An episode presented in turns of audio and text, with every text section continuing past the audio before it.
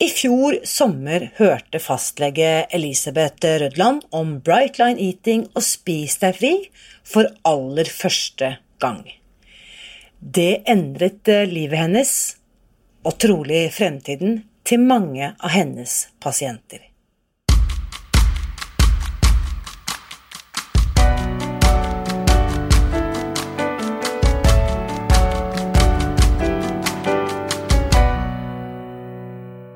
Mitt navn er Irina Li.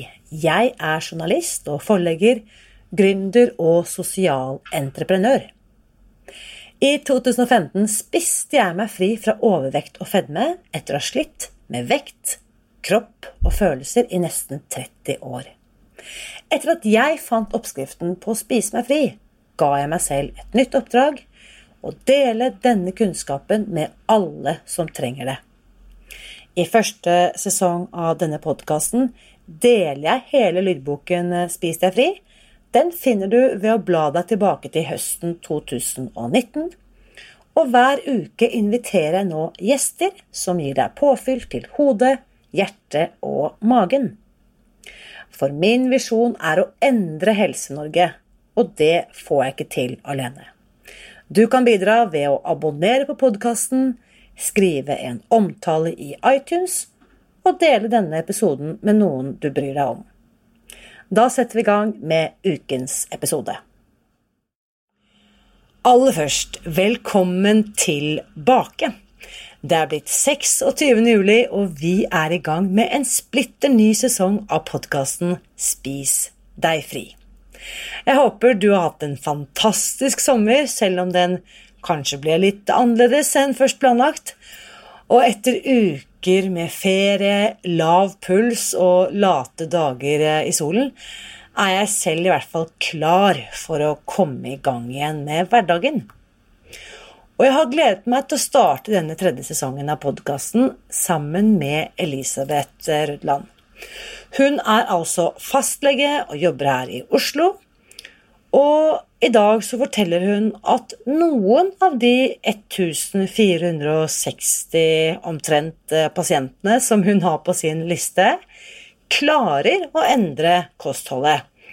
Når hun som eh, lege sier til dem at eh, de har fått påvist f.eks. diabetes type 2 eller høyt blodtrykk eller andre helseplager. Problemet, sier Elisabeth, er bare at de færreste klarer å holde fast i de gode vanene over tid. Derfor er hun nå så takknemlig for at hun har fått et nytt verktøy for å hjelpe de som trenger det. Og det skal du få høre mer om i dag. Før vi kommer så langt, så vil jeg bare ta med en tilbakemelding fra en annen lege som var gjest her i podkasten tidligere i sommer, nemlig Samira Lekal, en av Norges fremste eksperter på overvekt og fedme.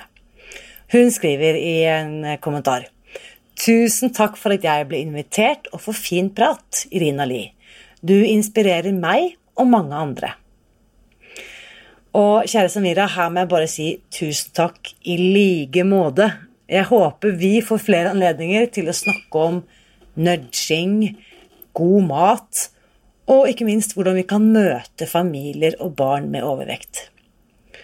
Og hvis du som hører dette nå gikk glipp av den spennende samtalen jeg hadde med Samira for noen uker siden, så finner du den ved å gå til www.spisdegfri.no skråstrek 44. Kjære Elisabeth, jeg er så glad for at du hadde tid og lyst til å være med på podkasten i dag. Velkommen! Tusen takk. Veldig hyggelig å bli invitert. Fordi vi har, vi har, sett hverandre på Zoom en gang før, men vi har ikke møttes eh, på ekte ennå, vil jeg si. Nei. men fortell, hvordan hørte du om Spis deg fri, og hvordan kom du i kontakt med hele dette underlige, eventyrlige landskapet?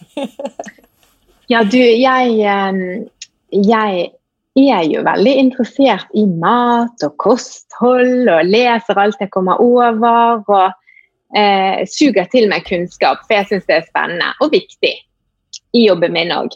Og så eh, Og det var vel i fjor sommer, i sommerferien, så leste jeg om ernæring, og så kom poppet opp Susan Pierce Thompson og Bright Line Eating. Og så leste jeg Og så fikk jeg nye mailer av henne.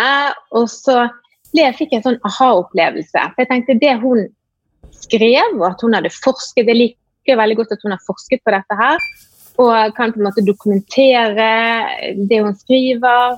Og da fikk jeg litt sånn aha-opplevelse med dette med sukker. Um, så da tenkte jeg på dette er superspennende, og så leste jeg videre. Og så tok jeg denne testen hvor du kan se hvor på en måte avhengig er du av sukker, hvor mye trigger det deg, og sånn. Fra null til ti. Og jeg hoppet inn og tok ja, syver. OK. Og så, og så, leser du på en måte hva eh, gjør dette med deg? Og da, da fikk jeg bare, tenkte jeg bare yes, yes, yes, yes, yes. Eh, så fikk jeg sånne aha-opplevelser og begynte å lese masse. Og jeg fikk masse mail av henne. Og jeg leste og så på videoer og bare ble mer og mer interessert i dette her. Og dette tenkte jeg OK, dette kan jeg bruke med meg selv, og dette kan jeg bruke i jobben min.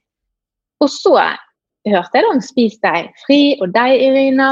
Og så tenkte jeg det er jo enda kjekkere å få dette på norsk. og, og eh, komme liksom litt mer inn på det på den måten. Så da, da begynte jeg å følge med der. Og så, eh, så, så det som eh, jeg syns er spennende med det, det er at jeg, eh, jeg kjente igjen mange ting som jeg merker med meg selv. Og jeg tenker med meg selv at jeg, jeg er en normalt slank person. Eh, men jeg selv merker at jeg får veldig jeg blir trigget av sukker. Og så tenker jeg selv at jeg eh, Jeg er, utdannelse innen helse, og jeg vet masse, jeg har lest masse, jeg er oppegående person. Og hvorfor får jeg sånne kick? Hvorfor klarer ikke jeg å stoppe de kickene når jeg får de? Og alt det hun spiste på slutten, at du klarer å holde ut på en tur, da spiser du sunt. Og så når turen er over, så på en måte spiser du masse. Og så sånne rare mønstre. Og så, og så plutselig så skjønte jeg hele greien. Og, så, og når jeg ser videre og leser enda mer om dette og hører på podene dine òg om, om spesialister, så dette med avhengighetsmedisin òg, at det kan ses på samme måte som avhengighet til både alkohol og til eh, eh, ja, andre ting. Eh, det kan være shopping, det kan være alt mulig. At, at, at, det med sukker og mel, at du kan bli på en måte avhengig av det på samme måte. At du får sånne perioder hvor du kan ha det sånne kick. Og det er jo litt det jeg merker selv. At jeg har sånne perioder hvor jeg har kicken, og så kan jeg ta meg sammen, og så kommer jeg tilbake igjen. Så jeg, jeg på en måte tillater meg ikke å eh, gå opp i vekt. Men, men, jeg føler at jeg alltid må eh, alltid må ta meg sammen, for jeg må alltid komme meg tilbake igjen på plass mm. etter sånne kick. sant? Litt sånne periodegreier. Så, så, det var liksom som fenget meg i utgangspunktet. Og så tenker jeg jobben min òg eh, få forståelse for eh, hvorfor noen kommer i mål. Eh, F.eks. når jeg eh, snakker med pasienter om eh, kosthold. Eh, det kan være for diabetes, det kan være for overvekt, det kan være for høyt blodtrykk. Eh, og jeg forteller at det er viktig for deg å endre kostholdet ditt. Hvorfor noen klarer å gjøre det med en gang sånn. Snap, så er de i gang, og de, de er flinke, og så er de på plass. Eh, og mens andre bare De klarer det bare ikke. Noen, mm. eh, noen kommer eh, på plass og er veldig flinke. Og jeg ser at de får fint eh, blodtrykk, fint blodsukker, fint kolesterol. Men så, så, går de opp igjen, for de klarer ikke å være der. Elisabeth, dette er så spennende, både det du forteller om dine egen opplevelser rundt dette med maten, og spesielt sukkeret. Det at du påpeker at du selv er en slank person. Nå ser jo jeg deg, og jeg ser at du åpenbart har ikke noe vektutfordring. Men det som ingen kan se, verken om de er leger, psykologer eller eksperter eller vanlige folk, eller om de er mor eller far, ser jo ikke hvordan tankene dine eller følelsene dine kontrollerer valgene dine. ikke sant? Nei. Det er det som er så fascinerende. Det, det, det, skjønner jo ikke jeg før du faktisk setter ord på det. Nei. Og du, du, har jo vært inne på det. Denne testen for de som er nysgjerrig på den, den står grundig omtalt i kapittel fire i denne fine boken 'Spis deg fri'. Mm som også da selvfølgelig kan nyttes på i episode nummer fire av podkasten. Men man kan også gå til denne nettsiden. altså Jeg har laget en lenke, en snarvei, som heter spis deg fri.no-test, hvor du da kan komme rett inn til den amerikanske testen som du da refererer til, hvor du scorer deg selv på en skala fra 1 til 10.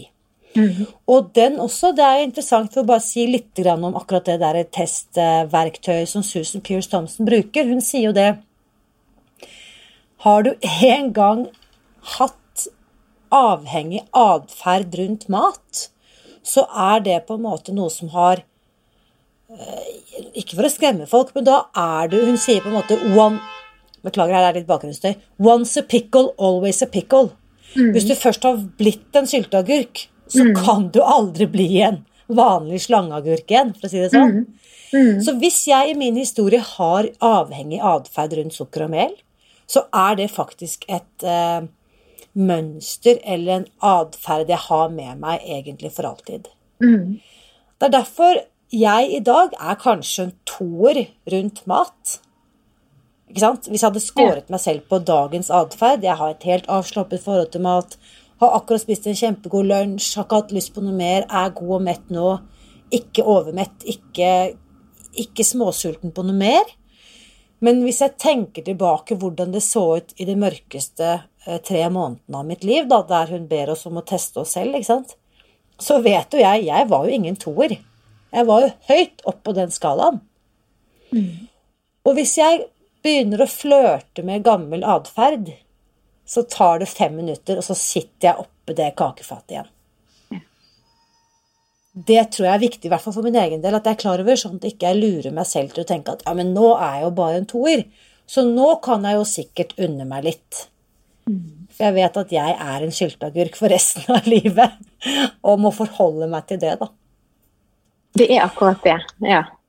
Og så må jeg bare spørre, fordi at uh, du er jo fastlege og møter pasienter jeg vil jo tippe så å si sikkert hver eneste dag som har helseutfordringer knyttet til vekt og kost og kostholdsrelaterte helseplager, da, for å bruke en stor samlebetegnelse. Hva slags typiske plager vil du si pasienter hos deg kommer med, som du tenker er relatert til mat på et eller annet vis? Eh, ja, altså ja, Du har jo typisk diabetes type 2. Sånn, kostholdsdiabetes, eller ja, og så er det jo, eh, kan det være, og spesielt hjerte-karsykdom med eh, høyt kolesterol. Eh, det kan være høyt blodtrykk. Og så er det selvfølgelig overvekt. Og man kan ha summen av alle disse tingene. Sant? Jo flere faktorer sammen man har, jo, jo større helseutfordring er det jo. sant? Eh, og så er det jo mye psykisk inni dette, med eh, overvekt kombinert med eh, både angst, uro, depresjon. Så, så, måte, så det er også en pakke, sant? Og, og, det kan bringe med seg selvfølgelig diabetes og høyt blodtrykk og mange andre ting eh, videre. Men, men, sånn at eh, Og det å kombinere kognitiv terapi, som jeg bruker mye, sammen med det, den pakken er så fin, sant? for det er jo så mye følelser oppi det hele. Så, så eh, ja, det er vel stort sett det jeg og jeg mm. møter jo forskjellige varianter av dette hver dag. Vil du si, Kan du si noe om kvinner kontra menn, unge kontra gamle? Hva slags alder er det du har sittende i pasientstolen hos deg? Eh, du er jo på legekontoret ditt nå, ikke sant? Når vi, dette, ja. vi møtes nå via Zoom, men du er på fastlegekontoret ditt på, på Tøyen i Oslo. Ja, det er jeg. Eh, fortell litt om pasientgruppene dine. Altså, mine pasienter Jeg har eh, 1450-60 pasienter på listen min. Og eh, jeg har jo alt fra babyer til eh, noe som nærmer seg 100. Så jeg har jo hele spekteret av eh, pasienter. Så men kvinner generelt sett er jo flinkest til å komme til legen, da.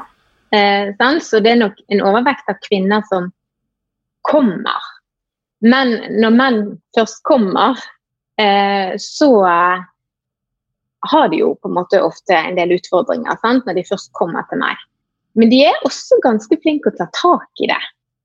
Det må jeg si. Men, eh, men selvfølgelig når det gjelder kosthold, så er de litt avhengig av å få hjelp hjemmefra.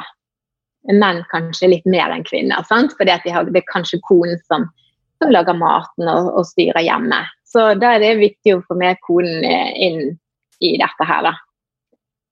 Så ja, nei, så det er egentlig alt mulig, altså. Eh, men det er selvfølgelig mer sånn eh, litt eh,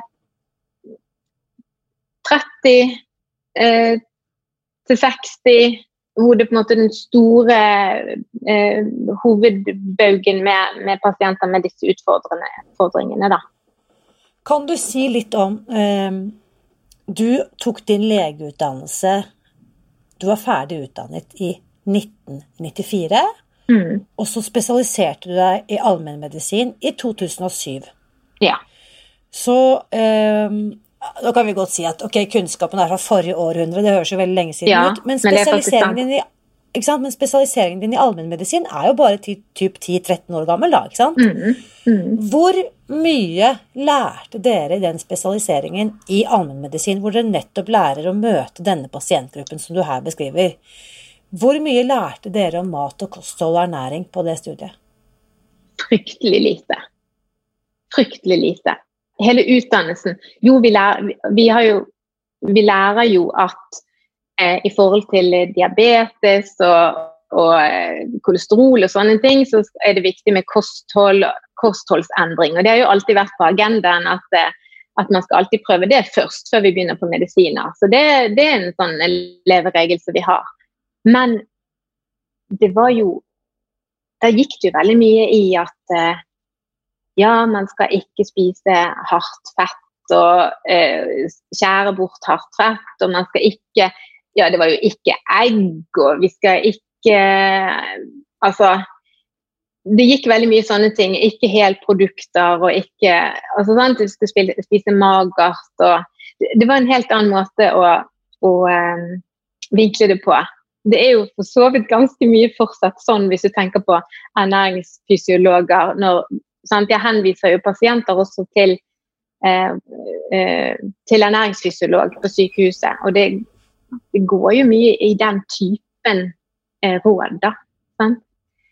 Det er derfor jeg syns at eh, jeg syns det er så spennende å se at, eh, at man begynner å endre litt på det. Sant? Så når du har merket Det var én pasientgruppe jeg, jeg, jeg noterte meg her, disse du nevnte. En gruppe jeg tenker også som jeg får mye eh, henvendelser fra.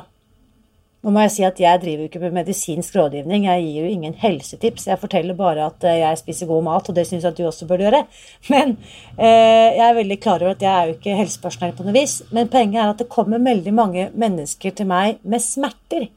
Mm. Betennelsesplager og smerter. Det vil jeg tippe også er grunnen til at mange oppsøker lege. Mm. Og jeg var jo ikke klar over det, men de forteller at de spiser seg fri fra smerte. Ja. Hva vet du om det? Du, altså Jeg vet jo ikke så veldig mye sånn, sånn på en måte øh, Basert på annet enn det jeg erfarer selv øh, gjennom det jeg leser og hører. Jeg har ikke forsket på det og, og ikke sånn, men, men, men jeg hører jo stadig vekk at pasienter som endrer kostholdet sitt og spiser mer riktig i form av mindre sukker og på en måte kombinere maten bedre i mengder og, og mye hvetemel spesielt. Eh, og at de, de, gjør en endring og de, de spiser sunnere kosthold. At de merker at de får mindre smerter i kroppen. De får mindre betennelse. Og det er jo klart at, at slaggproduktene av maten vi spiser, det, det setter seg jo i, i ledd og uh, lager irritasjoner sant, rundt i kroppen. Mageplager, smerter, hevelser. Det er klart at Jeg ser jo det at de som jobber med kostholdet på en rett måte, at de får mindre sånne plager. Mm. Men det er jo ikke så veldig lett å få de som på en måte føler at også for slanke personer som ikke har eh, høyt blodsukker eller høyt kolesterol, eller sånn, som på en måte har smerter, og få de til å endre kostholdet. Det er, ikke, det er ikke så lett. Man må ha litt mer ballast og, og på en måte forskning som kan dokumentere dette her for at jeg skal tørre å gå sånn veldig hardt ut på det som lege. Sant? For det, grunnen til at vi, vi eh, kom i Vi har jo hatt en lengre mailsamtale, veldig spennende. Jeg blir alltid glad når jeg ser at det kommer en mail fra deg i innboksen, Elisabeth. Fordi det du meldte tilbake til meg, det er jo at etter at du selv, som da kan vi si privatperson, kjente på hvordan dette mm kostholdet påvirket deg. ikke sant? Mm. Så, og så har du også, som du også vært inne på, bakgrunn fra kognitiv terapi, i tillegg til spesialiseringen din i allmennmedisin. Så har mm. du faktisk begynt å fortelle dine pasienter om denne metoden, og mm. at det finnes en oppskrift på å kunne spise seg fri. Yeah. Kan du fortelle litt eh, Hvilke reaksjoner får du? Har du noen historier eller eksempler på hvordan dette elleville forslaget blir tatt imot av, av pasienter på, på Enerhaugen eh, fastlegesenter. Ja. ja, nei, altså eh, De Jeg merker jo det at det sitter jo litt inne å skulle unngå sukker og mel. Men jeg bruker det på de pasientene hvor jeg ser at de har ikke kommet i mål på et annet vis. Og så introduserer jeg det litt sånn forsiktig. Så, så eh, Jeg merker at man må på en måte si det på litt rette måten med dette her at vi tar én dag av gangen, og at eh, vi tenker at dette gikk fint. Så tar vi en ny dag i morgen. Vi tar én dag til. sant? I dag eh, unngår jeg sukker og mel, i morgen kan jeg gjøre hva jeg vil. Og så ser vi om vi tar en dag til dagen etterpå. At jeg må prøve, og Dette gjelder jo de som skal slutte å røyke, slutte med alkohol. altså Alle sånne typer avhengigheter må jo tenke på den måten. Ellers så, ellers så tenker man jo bare ikke på noe annet enn sukker og mel. Har lyst på det hele tiden hvis vi tenker at vi skal unngå det resten av livet. Sant? Så, så jeg, jeg, må være litt sånn forsiktig med måten jeg eh, legger det frem på. Men jeg prøver å legge det frem på en sånn måte at de skal bli litt nysgjerrig og får lyst til å prøve det litt. Og så sier jeg at jeg er her for deg. Jeg kan støtte deg og være her for deg. For det er jo veldig viktig at de føler de blir sett. Og du kan komme og snakke mer med meg om dette hvis du føler deg klar for det. Og så er det så fint at jeg kan gi dem et sånt hefte, og så kan, jeg, så kan, de gå inn og lese gratis om det. Eh, og så se om de da, dette er noe som eh, fenger de. Og man må jo ville det selv for å få til en endring. Jeg, jeg, kan ikke gjøre det for dem, men jeg kan, jeg kan, legge verktøyene klar, og så kan de se om dette er noe de får lyst til å gjøre selv. Og Da kan de kunne lese. Jeg syns du har fantastiske både podcaster, og du kan, de kan gå på nettet på Facebook-gruppen og lese om det. Det er helt gratis. De kan lese boken gratis hvis ikke de vil bruke penger på det. Og så kan de kjenne om dette er noe som blir mm. riktig for dem. Så, så det er litt sånn eh, eh, Jeg merker de er nysgjerrig og litt skeptisk. Men dette er noe nytt, sant? fordi de, de, ehm, det, Dette blir jo ikke snakket så mye om. Jo, greit, sukker er ikke bra, men dette å, å skulle At, at mm. det, man er gjerne avhengig om å kanskje bør fortsette sånn, eh, det, det, er litt nytt. Og det som jeg syns er så herlig å si Nå kan jeg si 'legen har sagt det'. Ja. ikke sant? og, det, ja. og, det, har utrolig mye å si. Min kjære eh, eh Robert i love him dearly, men det hjalp jo ikke at jeg sto og prikket ham på skulderen og sa sånn Du burde også begynne å spise sånn som dette, Robert. Dette burde du teste. Ja. Det var jo ikke det som motiverte han. Nei. Jeg begynte høsten 2015, men da legen hans i mm. januar 2016, tre-fire måneder etter at jeg hadde begynt, sa til han Robert, nå må du tenke litt på det kolesterolet, for det ser ikke bra ut, så jeg vil gjerne at du begynner på kolesterolmedisin. Det var det at legen sa til Robert at du burde gjøre noe. Da var han villig til å høre. Så jeg tenker at det at du er denne fastlegen som 1460 pasienter mellom 0 og 100 år kommer til, at du har denne kunnskapen, mm. det tenker jeg er jo en så At du blir en så viktig ressurs da, for disse menneskene, mm. og for hvordan de kan ta hånd om sin egen helse. Mm. For jeg vil jo tippe liksom, at mange kunne tenke seg at du også kan komme hjem på kjøkkenet til dem og lage god mat til dem, men det er jo ikke det som er jobben din. Den jobben må de jo gjøre selv. Ja. Men du kan på en måte dulte dem i riktig retning. Jeg kan det. Og, og det er det. Og jeg tenker at jeg kan trigge dem på ting, og det gjelder jo det gjelder jo både angst og depresjon, og det gjelder på en måte egentlig alle ting de kommer med her til meg. jeg kan eh, hjelpe dem til at de kan klare å hjelpe seg selv. Jeg kan, jeg kan gi dem verktøyene, jeg kan informere dem, jeg kan prøve å trigge dem og se dem. Og så vet jeg at de kan komme til meg hvis de eh, er mer klar for å jobbe på egen hånd med det meste. Og de vet også at jeg er en lege som absolutt bruker medisiner. Klart jeg gjør det. Men jeg har en sånn policy om at minst mulig medisiner. Kan man unngå medisiner, så prøver vi det. Eh, og i starten når jeg begynte, så kunne jeg snakke meg varm om det og nesten bli litt tom. Fordi at jeg ville at alle skulle eh, jobbe selv og få det sånn. Men nå skjønner jeg at det, det er ikke alle klar for. Sant? Men jeg tenker ok, de som er klar for det, de kan få den pakken. Og så skal jeg hjelpe dem så godt jeg kan.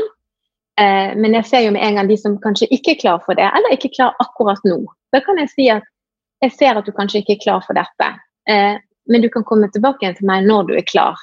Eh, og vi kan starte en kolesterolsenkende tablett nå med en gang.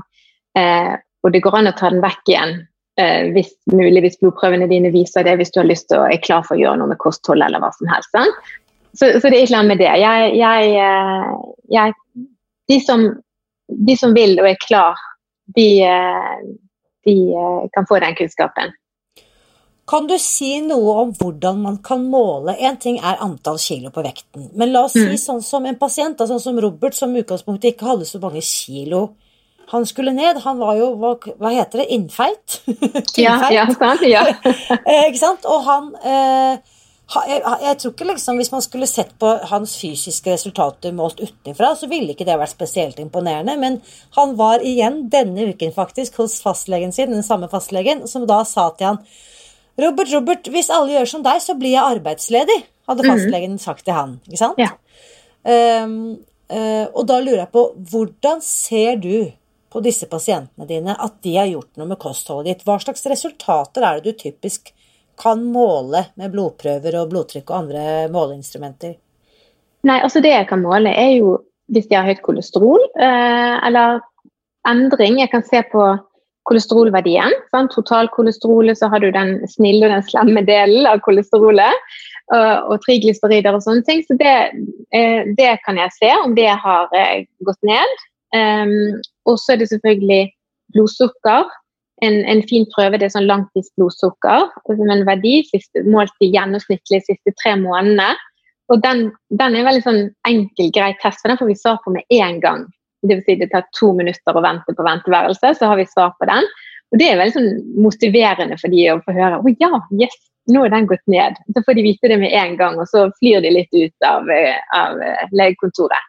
Eh, og så er det selvfølgelig eh, eh, ja, måle blodtrykket. Og, så er det det også ja, det er det vi måler? Sånn, sånn fysisk. Og så, ja Det er vel det mer de blodprøvene som er direkte synlig og tydelig, da.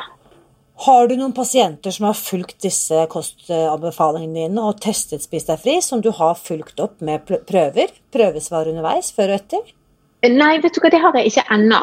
For fordi at jeg ganske nylig begynte å på en måte gå litt mer ut på dette med, med spis deg fri. Sant? Fordi at eh, jeg, eh, jeg, jeg begynte litt sånn forsiktig med det. Altså, det, er jo ikke Jeg har jo begynt litt med dette med sukker og mel og, og sånne ting, men, men øh, øh, Jeg har ikke direkte spist deg fri. Jeg har ingen som går direkte på spis deg fri. Nei.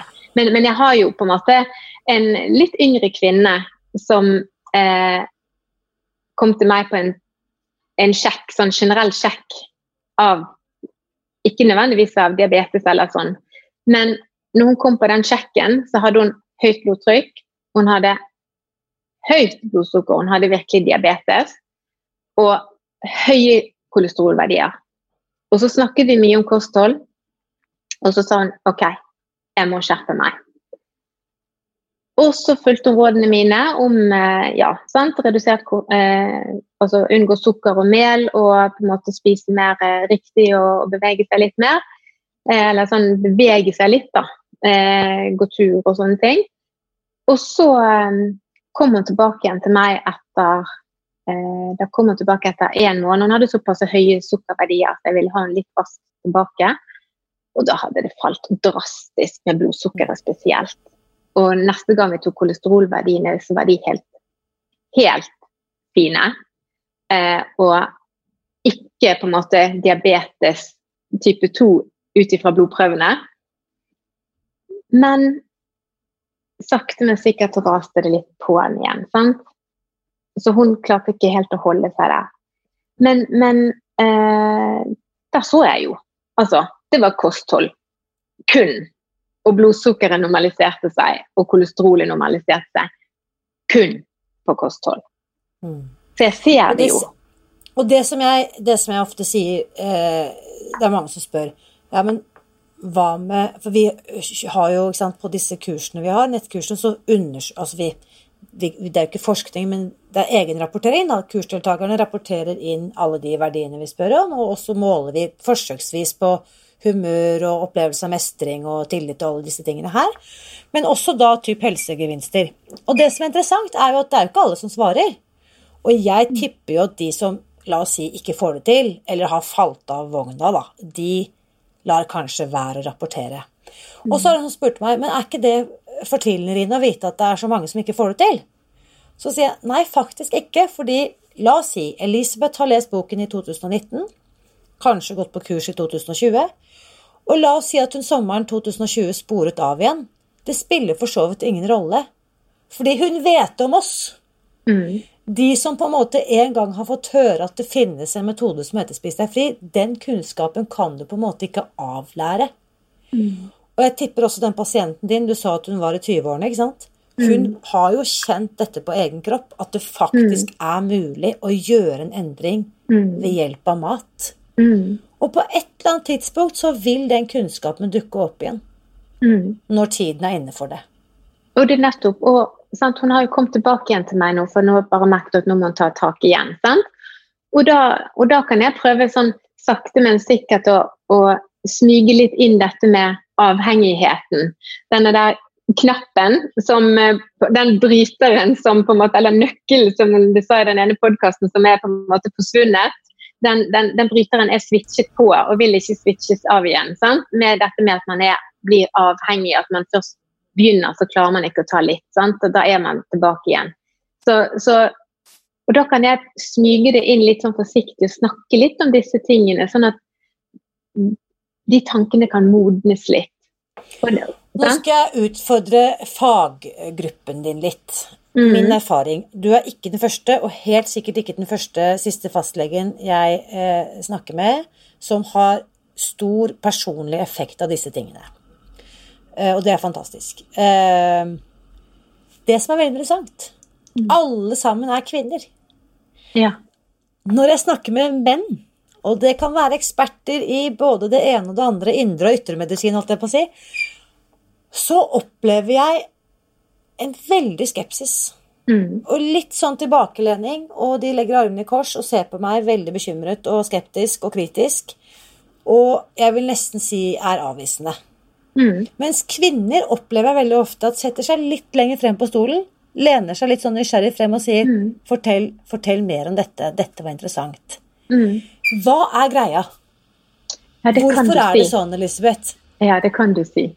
Det er Nei, det er litt eh, Det er litt uh, morsomt, det der. For jeg, jeg, altså, jeg, har jo flere venninner som er kolleger òg, og vi eh, generelt sett er litt mer open-minded for eh, ja, for nye ting, og at de syns det er litt spennende. Gå litt utenfor boksen og snuse litt på ting. og Eh, jeg merker jo generelt sett at, at menn er litt mer De skal ha forskning, det skal være dokumentert. Eh, veldig, veldig, veldig godt dokumentert.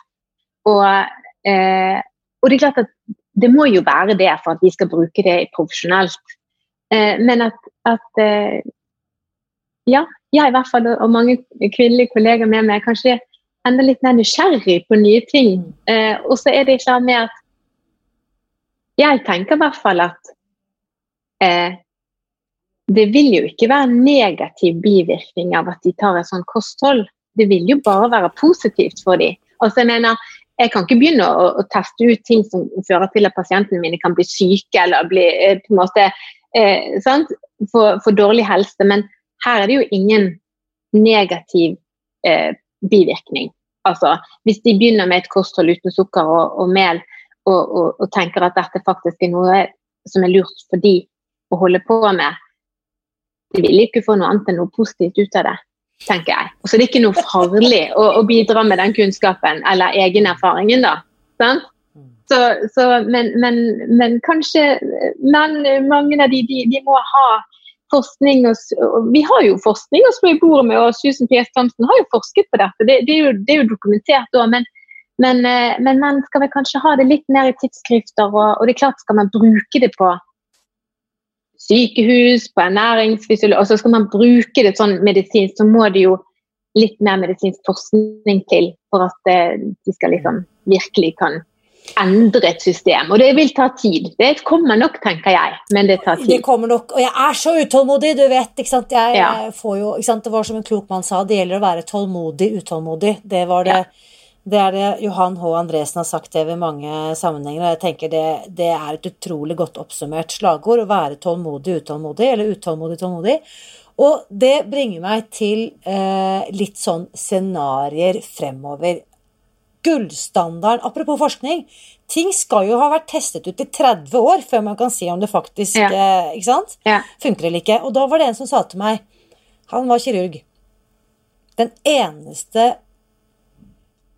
kirurgiformen på gastric bypass, slankeoperasjon, er faktisk den eh, Det er vel gastric bypass da, som ble begynt med på 60-tallet. Mm. Det er den eneste metoden som man har lange nok studier på til å kunne uttale seg noe sikkert om. Mm. Og til og med den gullstandarden som var på 2000-tallet, har de nå gått vekk ifra. Siden mm. den hadde så mange andre uønskede bevirkninger. Så i dag, den de gjør i dag, som vel heter gastric sleeve, er en mm. annen enn den de gjorde for så lite som ti år siden. Mm. Og så tenker jeg, litt sånn som du er inne på, da. Det vi, vi er så radikale og sier at eh, spis fisk og nøtter og granateple og blåbær og blomkål. Ikke sant? Det er jo sånn som du er inne på, i verste fall blir du litt forstoppet i en overgangsperiode mm. mens du skal venne deg til alt fiberet. Eller mm. kanskje kjenner du på at du får hodepine og svimmel idet du slutter med alt dette her eh, mm. light-produktene og koffeinet og Red Bull og alt det greiene der. Så får du jo hodepine. Det er jo en bivirkning. Ja. Men det er jo ikke noe livsvarige bivirkninger utover det, bortsett fra muligens veldig mye bedre helse. da. Ja. Å føle deg klar i toppen og, og føle deg vel i kroppen din. Det er jo det du gjør etter hvert. Mm.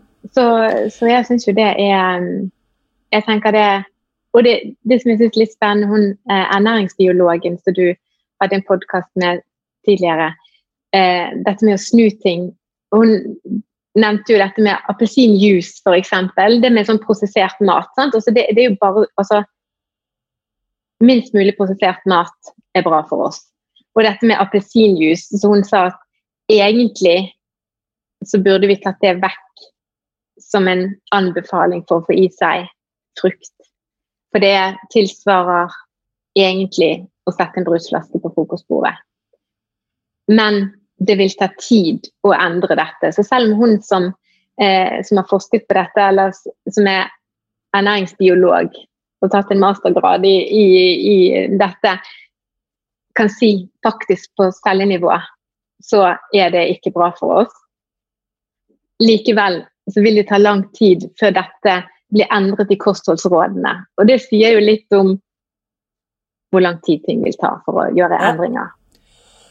Det er et år siden, pluss-minus, siden du selv begynte å utforske dette greiene og spise mm. deg fri. Hva slags helseeffekter sitter du med selv, eh, Elisabeth, ett år into it? Mm.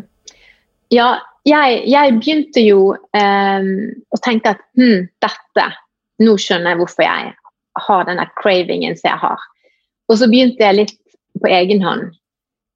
Jeg tenkte dette her skal jeg nå klare selv, så dette går bra. Eh, eh, men jeg merket jo at eh, jeg tok det sånn 60 eh, på egen hånd Sant? Jeg, jeg fulgte rådene litt sånn 60% Og da ikke det helt nok. Sant? Så jeg tenkte til slutt vet du hva, jeg tror jeg skal melde meg på et kurs, og så skal jeg liksom komme inn i et fellesskap. Kanskje jeg trenger dette her. Og, og det gjorde jeg jo i februar. Eh, så og I begynnelsen satt jeg liksom på gjerdet og tenkte ja, ja, dette er sikkert ikke egentlig noe for meg, fordi at eh, eh her er mange som har store vektproblemer og sånn. Men så tenkte jeg ja, ja. Eh, jo, jeg blir nå litt med og engasjerer meg litt mer. Og da, da, gikk jeg over til å på en måte følge det 100% Og det som jeg merker, det er det at jeg, jeg føler meg så bedre i kroppen min. Eh, for jeg har ikke hatt noen sånne tre-fire dager hvor jeg har spist masse godteri, sånn som jeg kan få ellers. Hvis jeg tenker at sant, Jeg har jo hatt litt sånn på lørdagen Ja, nå er det lørdag, nå kan jeg ta meg et glass vin, og så kan jeg ta meg to sjokoladebiter, og så skal jeg stoppe med det. Glem det. sant? Da er vi der. Og da går hele, hele pakken med sjokolade, og så får jeg lyst på det neste dag, og litt sånn. sånn. Så, men, men, nå er det bare helt slutt, og jeg har en sånn ro oppi hodet. Det, det så mye Ja, jeg går ikke rundt og tenker på mat, eller tenker på sjokolade, eller tenker å, jeg har lyst på noe godt. Når eh, skal jeg unne meg noe godt? Skal jeg gjøre det på lørdag? Eller når? Altså, jeg tenker ikke på det, og det er så utrolig deilig. Jeg har fred oppi hodet mitt. Eh, jeg har ikke lyst på noe godt. Eh, det frister meg ikke. De kan spise rundt meg. Det gjør, de gjør ingenting. Jeg, fått, jeg er sånn ro med meg selv, og jeg føler meg så veldig i kroppen. så jeg har det så mye bedre. Fantastisk. Og bare den forskjellen gjør jo at jeg kan sitte her og Det er lettere for meg å si det til pasienten òg. For jeg har opplevd det selv. Forteller du det til pasienten òg, det du forteller meg nå? Eh, jeg er litt sånn forsiktig med måte å fortelle om mine egne ting til pasienter. For det er ikke med at jeg skal ha fokus på pasienten, og, og legen skal ikke sitte og snakke om sine ting. Men jeg bruker det kanskje litt hvis jeg ser at det er det som skal til. Ja. Eh, så, så, kan jeg kanskje si at eh, jeg har erfart dette selv også. Jeg, jeg vet at det funker. Sant? Ikke sant? Det gir ja. en utrolig troverdighet. En, en lege mm. som jeg også opplever på fastlegekontoret, eh, snur seg rundt, finner et eller annet skjema i hyllen og så ja, prøv dette, ja. og så er det ikke sant? et legemiddelprodukt som ikke burde vært for lov til å selges over disk i Norge, men det skal jeg ikke snakke mer om, for det er rett og slett bør ikke fremsnakkes i det hele tatt. Men det er akkurat det, hvis mm. legen faktisk kan se meg i øynene og si at mm. dette kan jeg anbefale, jeg har faktisk prøvd det selv. Mm. Eh, det var én pasientgruppe som jeg har tenkt mye på, som jeg faktisk veldig sjelden har snakket høyt om. Men det er rett og slett eh, de som min kvinnelege fortalte meg om. Hun er spesialist i gynekologi. Hun fortalte meg at det er veldig mange Rina, som ikke får barn grunnet overvekt. Og det er en bitte liten andel av disse menneskene som heller ikke får prøverørsbehandling fordi at de er for tunge. Ja. Hvis du har BMI over 35 eller 40, mm.